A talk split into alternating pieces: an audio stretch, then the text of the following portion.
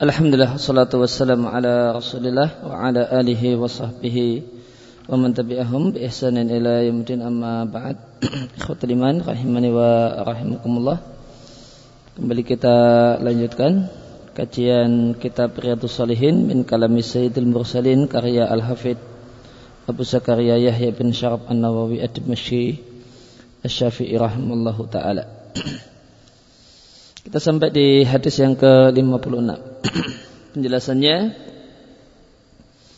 uh, penulis An-Nawawi rahimallahu taala mengatakan dengan mengutip dari Abu Sufyan Sakhar bin Harab radhiallahu anhu dan Abu Sufyan adalah orang yang musyrik dan tidaklah masuk Islam kecuali belakangan antara uh, perjanjian Hudaybiyah sampai Fatul Mekah. Dan perjanjian Hudaybiyah terjadi pada tahun ke-6 Hijriah sedangkan Fatul Mekah terjadi pada bulan Ramadan tahun 8 Hijriah. Ketika itu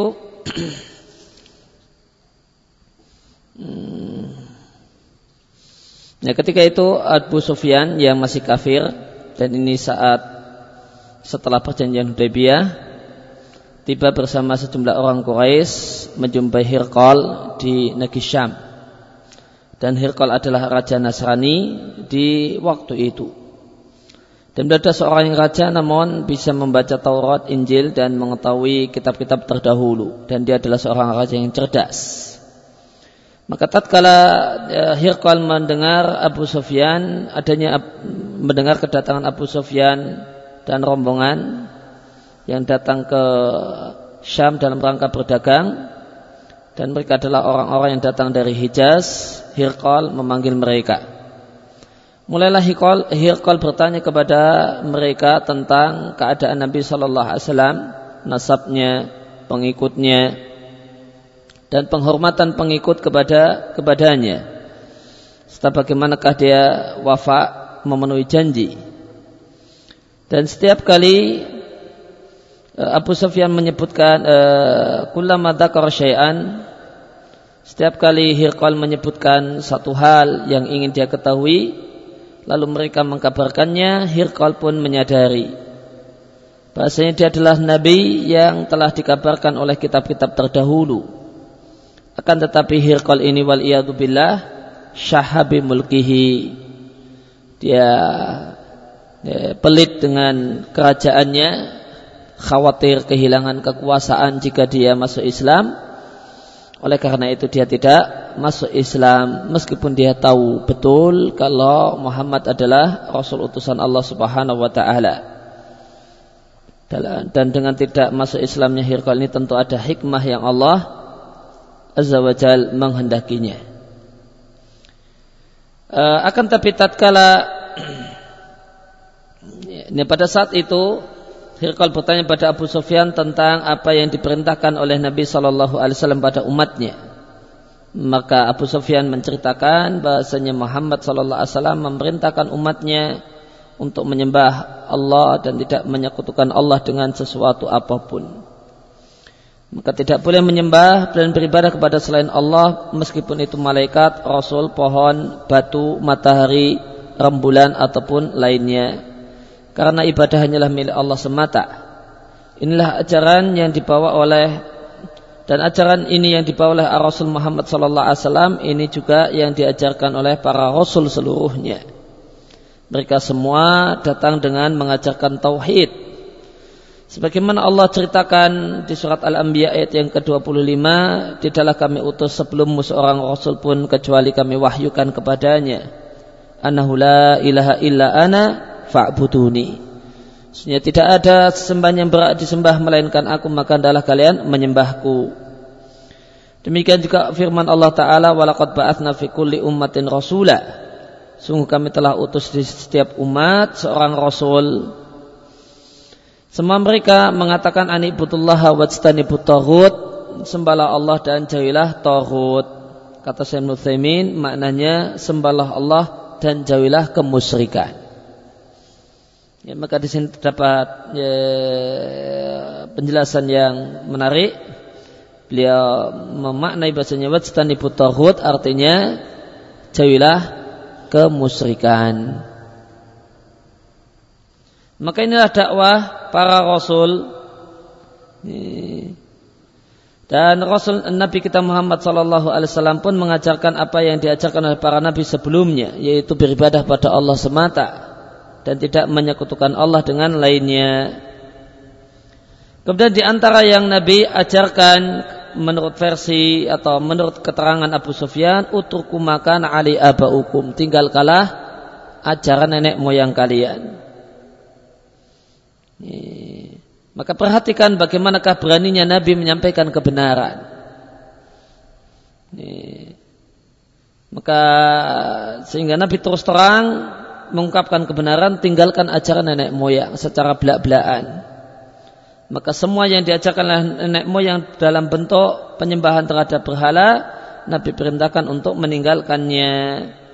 Adapun warisan nenek moyang orang Arab berupa akhlak-akhlak yang mulia, semacam menghormati tamu, pemberani dan yang lainnya, maka tentu Nabi tidak memerintahkan untuk meninggalkannya.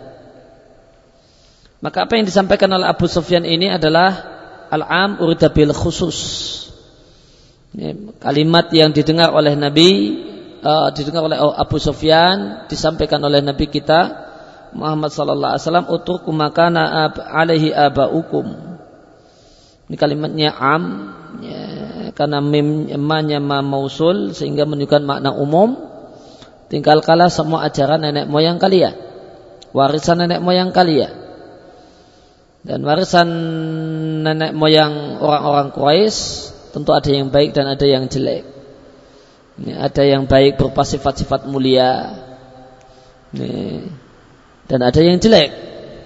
Di antaranya adalah kemusyrikan. Tentu yang dimaksudkan adalah yang jelek-jeleknya, bukan yang baik-baiknya. Adapun yang baik tidak diperintahkan untuk meninggalkannya. Sehingga ini dalam istilah ilmu usul fikih disebut al-am uridu urida bihil khusus. Redaksinya umum namun maksud sejak awalnya adalah tertentu. Sebagaimana Allah Ta'ala firmankan wa idha fa'alu fahishatan jika mereka melakukan perbuatan yang keji yaitu tawaf sambil telanjang. Kalau mereka beralasan dengan dua alasan. Yang pertama wajadna 'alaiha aba'ana dibikalah ajaran nenek moyang kami. Kemudian yang kedua wallahu amaruna biha dan Allah memerintahkan kami untuk seperti itu. Maka di antara e, maka dalam ayat ini Allah menyebut tawaf sambil telanjang Allah sebut dengan perbuatan keji. Umumnya perbuatan keji maknanya zina. Umumnya fahisyah sering kali fahisyah itu maknanya zina. Terkadang fahisyah maknanya kabair dosa besar. Namun Eh, khusus untuk ayat ini Al-A'rab 28 fahisyah yang makna yang terjemahnya perbuatan keji maknanya tawaf sambil telanjang. Maka ini menunjukkan bahasanya dalam Islam buka-buka aurat adalah perbuatan keji. Hmm. Dan apa hubungannya dengan eh, istilah yang biasa dipakai untuk eh, makna yang biasa dipakai untuk fahisah yaitu zina? Wallahu a'lam. Buka aurat adalah langkah menuju zina. Dan zina adalah dosa besar. Ya, maka orang Quraisy ketika mereka melakukan ritual tawaf dengan telanjang, mereka punya dua alasan. Alasan yang pertama ini adalah tradisi dan budaya dan warisan leluhur. Dan Allah tidak ingkari hal tersebut. Allah katakan itu adalah memang betul demikianlah realitanya. Kemudian alasan yang kedua mereka katakan ini ajaran Allah Subhanahu wa taala. Wallahu amaruna biha dan ini yang Allah dustakan. Oleh karena itu lanjutannya ayat, maka Allah berfirman mendustakan ucapan mereka yang mengatakan kalau tawaf sambil telanjang adalah perintah Allah Subhanahu wa taala. Allah katakan, "Kul innallaha la ya'muru bil fahsya' katakanlah bahasanya Allah tidak pernah memerintahkan perbuatan yang keji. Maka dusta jika kalian katakan bahasanya Allah lah yang memerintahkan untuk tawaf sambil telanjang. Tapi kalau itu ajaran nenek moyang, maka itu moyang kalian, maka itu satu hal yang benar. Demikianlah sifat sikap adil. Demikianlah sikap adil eh, ketika ucapan seseorang itu bercampur antara hak dan batil, benar dan tidak benar, jangan kemudian dipukul rata tidak benar semua. Eh, ketika itu bercampur dusta dan benar, hak dan batil, jangan kemudian dipukul rata batil semua. Ini tindakan yang tidak adil. Tindakan yang adil sebagaimana yang Allah ajarkan di sini. Ya, yang benar ya jangan jangan didustakan. Yang tidak benar, yang bohong, katakan itu bohong. Demikian ya, ya Allah yang Allah ajarkan kepada kita. Bersikap adil di antara bentuk bersikap adil terhadap ketika kita komentar terhadap sebuah pernyataan adalah dengan memilah yang benar ya diakui kalau itu benar yang itu bohong dan mengada-ada katakan yang ini bohong. Falhasil maka kesimpulannya Rasul uh, Ali Shallallahu Wasallam memerintahkan umatnya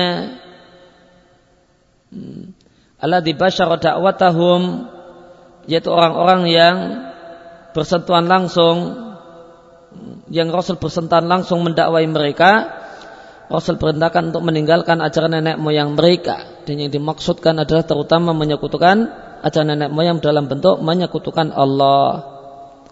Kemudian Abu Sufyan menceritakan bahasanya wakana ya'muru nabi salati Muhammad itu memerintahkan kami untuk mengerjakan salat dan salat adalah penghubung antara seorang hamba dengan Tuhannya. Dan dia adalah rukun Islam yang paling ditekankan setelah dua kalimat syahadat. Dengan sholatlah maka terbedakan mukmin dengan kafir. Dan sholat adalah al-ahdu, titik pembeda eh, antara kita dan orang musik atau orang kafir. Sebagaimana sabda Nabi alaihi salatu wasalam, al-ahdu ala bainana wa bainahum titik pembeda antara kita dan mereka adalah salat faman tarokah fakot kafara siapa yang meninggalkannya maka dia kafir Diatkan oleh Tirmidzi dan uh, lainnya Tirmidzi mengatakan hasad sahih dinilai oleh Al-Hakim dan Zahabi Artinya menurut saya Ibnu dia telah kafir dengan kekafiran yang mengeluarkan dari Islam karena Rasul alaihissalatu wassalam mengatakan titik beda. Ini, poin pembeda antara kami dengan mereka adalah salat. Maka hada hadun fasilun. Maka salat adalah ini, dinding pemisah antara mukmin dan kafir. Walakat ab'adan naja'ata maka sungguh telah jauh dari kebenaran ulama yang mengatakan bahasa yang dimaksud dengan kafir dalam hadis ini adalah kafir kecil sehingga sama dengan sabda Nabi Shallallahu Alaihi Wasallam dalam hadis yang lain, ada dua perkara di tengah-tengah masyarakat. Yang keduanya adalah kekafiran atau nufil ansab wal fakhru bil ahsab. Kegemaran mencela nasab orang dan berbangga dengan kelebihan leluhur. Ya, maka tentu kafir di sini adalah kafir asgar, kafir kecil. E, namun kalau untuk hadis di atas beliau menilai ya, adalah jauh dari kebenaran kalau dimaknai dengan kekafiran kecil. Karena siapa yang merenungkan hadis di atas maka dia akan faham bahasanya ini adalah penafsiran yang salah dan yang benar dan kebenaran di sini adalah muta'ayyan. Tidak ada yang lain. Tidak boleh tidak itulah yang benar Bahasa yang dimaksud dengan kafir dalam hadis ini adalah kafir besar yang mengeluarkan dari Islam. Kenapa? Li'anal fasil baina syai'ain. Karena dinding pembatas di antara dua hal yaitu keimanan dan kekafiran tidak boleh tidak yang satu terbedakan dari yang lain. Jika tidak demikian, maka tidak sah kalau kita sebut sebagai poin pembeda. Dinding pembeda. Sama persis sebagaimana batas di antara dua petak tanah yang satu milik Zaid yang lain milik Amr Faidah hadil hudud maka batas-batas ini adalah pemisah. Sehingga dengannya eh, pembatas ini tidaklah memasukkan tanahnya Zaid ke bagian tanahnya Amr. Tanahnya Amr ke tanahnya Zaid. Maka demikian juga sholat adalah batas pemisah. Maka siapa yang keluar dari batas, maka dia tidak termasuk dalam ini, apa yang di dalam batas. Ini. Maka menimbang makna tersebut, maka beliau sampaikan memaknai kafir dalam hadis ini dengan kafir eh, akbar adalah makna satu makna tepat satu-satunya. Tidak mungkin ada makna yang lain. Karena Nabi menegaskan bahasanya dalam hadis ini salat adalah poin pembatas, poin pembeda dan dinding pembatas. Maka dia seperti beliau gambarkan dengan batas tanah, patok tanah. E, antara Zaid dan Amr. Maka yang sini Zaid, ini punyanya Amr, tidak campur-campur. Maka ini iman, ini kafir, maka tidak campur-campur. E, berarti kafirnya adalah kafir akbar. Dan jika demikian maka sholat jika dibandingkan amal-amal yang lain Bedanya adalah jika sholat itu ditinggalkan maka orang yang meninggalkannya kafir Namun seandainya seorang itu meninggalkan puasa Ramadan Sehingga dia makan dan minum di siang hari Ramadan Tidak uh, uh, tanpa peduli dengan uh, perintah Allah Tidaklah kita katakan dia kafir Non seandainya seorang itu meninggalkan sholat dalam dalam bentuk sama sekali tidak pernah sholat, kita katakan dia adalah orang yang kafir. Seandainya orang meninggalkan zakat sehingga dia tidak bayar zakat, mengumpulkan harta tanpa mau bayar zakat, tidaklah kita katakan dia kafir. Dan seandainya dia meninggalkan sholat, kita katakan dia kafir. Seandainya tidak berangkat haji padahal mampu untuk berhaji, tidak kita katakan dia kafir. Namun jika dia meninggalkan sholat, kita katakan dia kafir. Abdullah bin Syakir rahimahullah seorang tabi'in dan dia adalah masyhur sebagai tabi'in. Dia mengatakan para sahabat Muhammad sallallahu alaihi wasallam tidaklah berpandangan adanya satu perbuatan yang di, jika ditinggalkan menyebabkan kafir selain salat. Dan jika demikian salat yang Rasul sallallahu alaihi wasallam memerintahkannya jika ditinggalkan oleh seseorang maka statusnya sebagaimana meninggalkan tauhid yaitu menjadi kafir, musyrik wal billah. Ya, uh, hal ini diisyaratkan oleh hadis Jabir yang diatkan oleh Muslim dari Jabir dari Nabi sallallahu alaihi wasallam beliau mengatakan baina rajuli wa baina syirki wal kufri tarkus salati. Pembeda antara seseorang, pemisah antara seseorang dengan kesyirikan dan kekafiran adalah meninggalkan salat. Kemudian Abu Sufyan menceritakan kembali Ya, kepada kita perkataan Nabi wa kana ya'muruna bisidqi dan dia memerintahkan kami untuk jujur.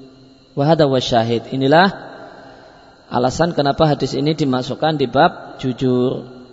Karena Nabi Shallallahu Alaihi Wasallam memerintahkan umatnya untuk jujur dan ini sebagaimana firman Allah Taala, baik orang-orang yang beriman bertakwalah kalian kepada Allah dan jadilah kalian orang-orang yang jujur. Dan kejujuran adalah akhlak yang mulia dan kejujuran itu ada dua macam jujur kepada Allah dan jujur kepada sesama. Dan dua-duanya adalah akhlak yang mulia. Kebalikan jujur adalah dusta dan dusta adalah memberitakan sesuatu berbeda dengan realita. Dan dusta adalah akhlak yang tercela di antara akhlak orang-orang munafik. Sebagaimana kata Rasul alaihi salatu wassalam, tanda orang munafik itu ada tiga, salah satunya adalah jika bicara dusta, namun sebagian orang wal billah mubtala bihadal marat terkena penyakit dusta.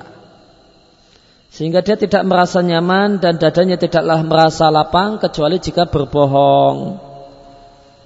Yakdi buddha iman selalu berbohong. Jika dia menyampaikan satu perkataan, ternyata dia adalah bohong. Dan jika dia duduk di satu tempat, mulailah dia membuat cerita-cerita karangan supaya teman-teman duduknya tertawa.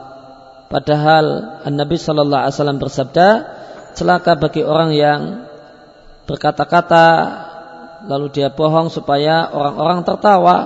Celakalah dia dan celakalah dia. Nabi doakan celaka sebanyak tiga kali.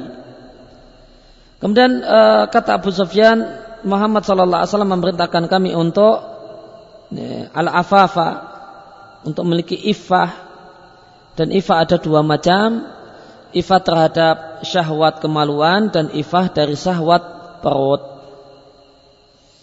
Ya, ifah jenis yang pertama adalah seorang itu menjauhi apa yang Allah haramkan berupa zina dan sarana dan jalan menuju zina. Karena Allah Azza wa Jalla berfirman, "Wala taqrabu zina", janganlah kalian mendekati zina. Sehingga zina adalah perbuatan keji dan sejelek-jelek jalan. Dan Allah wajibkan atas pelaku zina untuk dicambuk sebanyak seratus kali dan diusir, dijauhkan dari tempat dia tinggal selama satu tahun penuh jika dia belum menikah. Namun jika dia sudah menikah dan sudah pernah mengumpuli istrinya, kemudian berzina setelah itu maka dirajam yaitu dilempar batu sampai mati. Kalau cuma akad nikah namun belum belum kumpul maka belum muhson.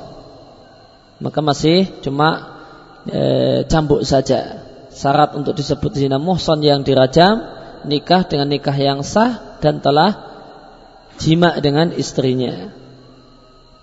Semua ini adalah supaya orang membuat orang itu jel, e, jera. Jangan sampai melakukan perbuatan keji ini karena zina itu merusak akhlak, merusak moralitas, merusak agama karena itu dosa dan merusak nasa. Terutama jika perempuannya itu bersuami. Maka zina seorang istri itu merusak nasab. Dan menyebabkan timbulnya berbagai penyakit mengerikan yang telah nampak, yang telah terlihat dampaknya di zaman ini disebabkan karena begitu banyaknya perzinaan wal billah yaitu AIDS.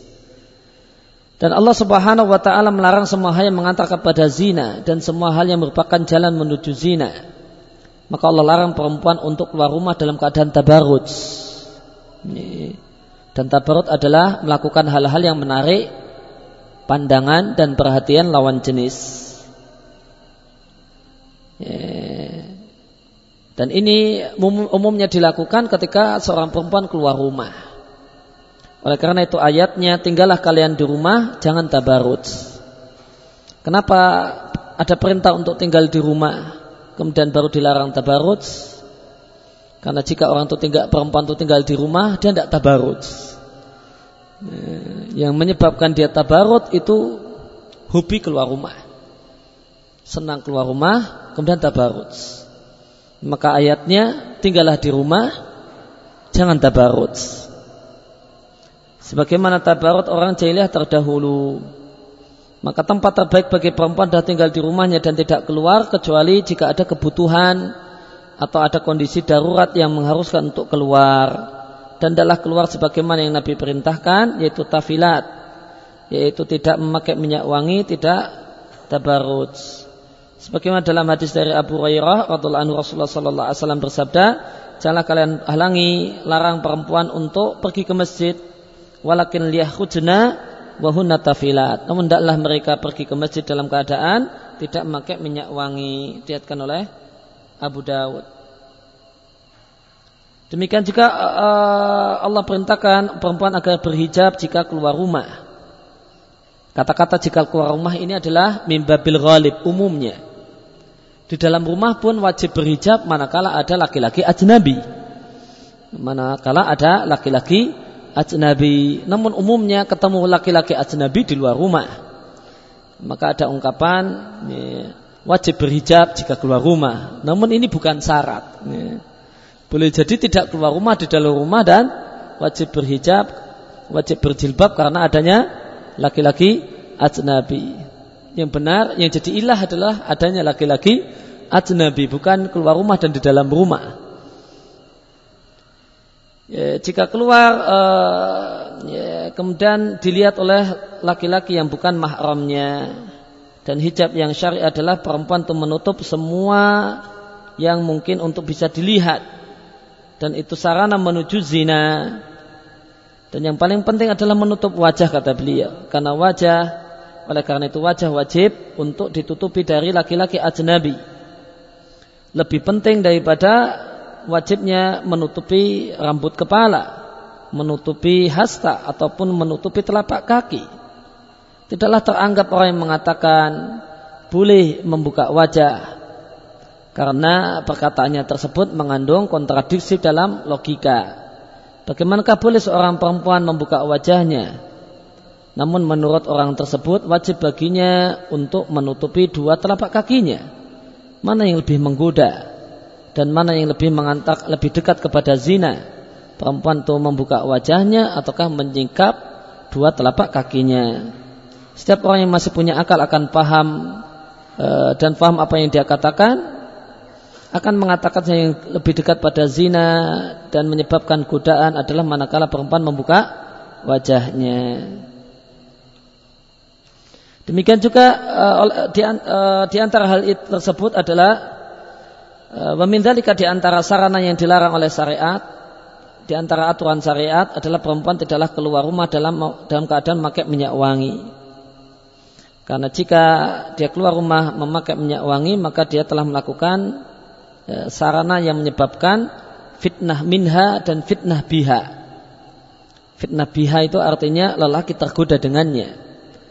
Fitnah minha ya, itu artinya ya, dia menggoda.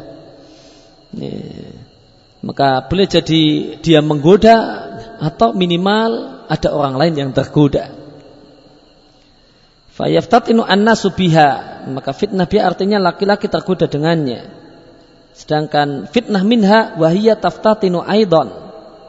Dan dia juga tergoda karenanya. Ya, dia kemudian e, merasa senang karena banyak yang melirik dan seterusnya. Nah itu e, fitnah minha. Dia berjalan di e, pusat perbelanjaan dalam keadaan memakai minyak wangi misalnya. Nas'alullah al-afiyah.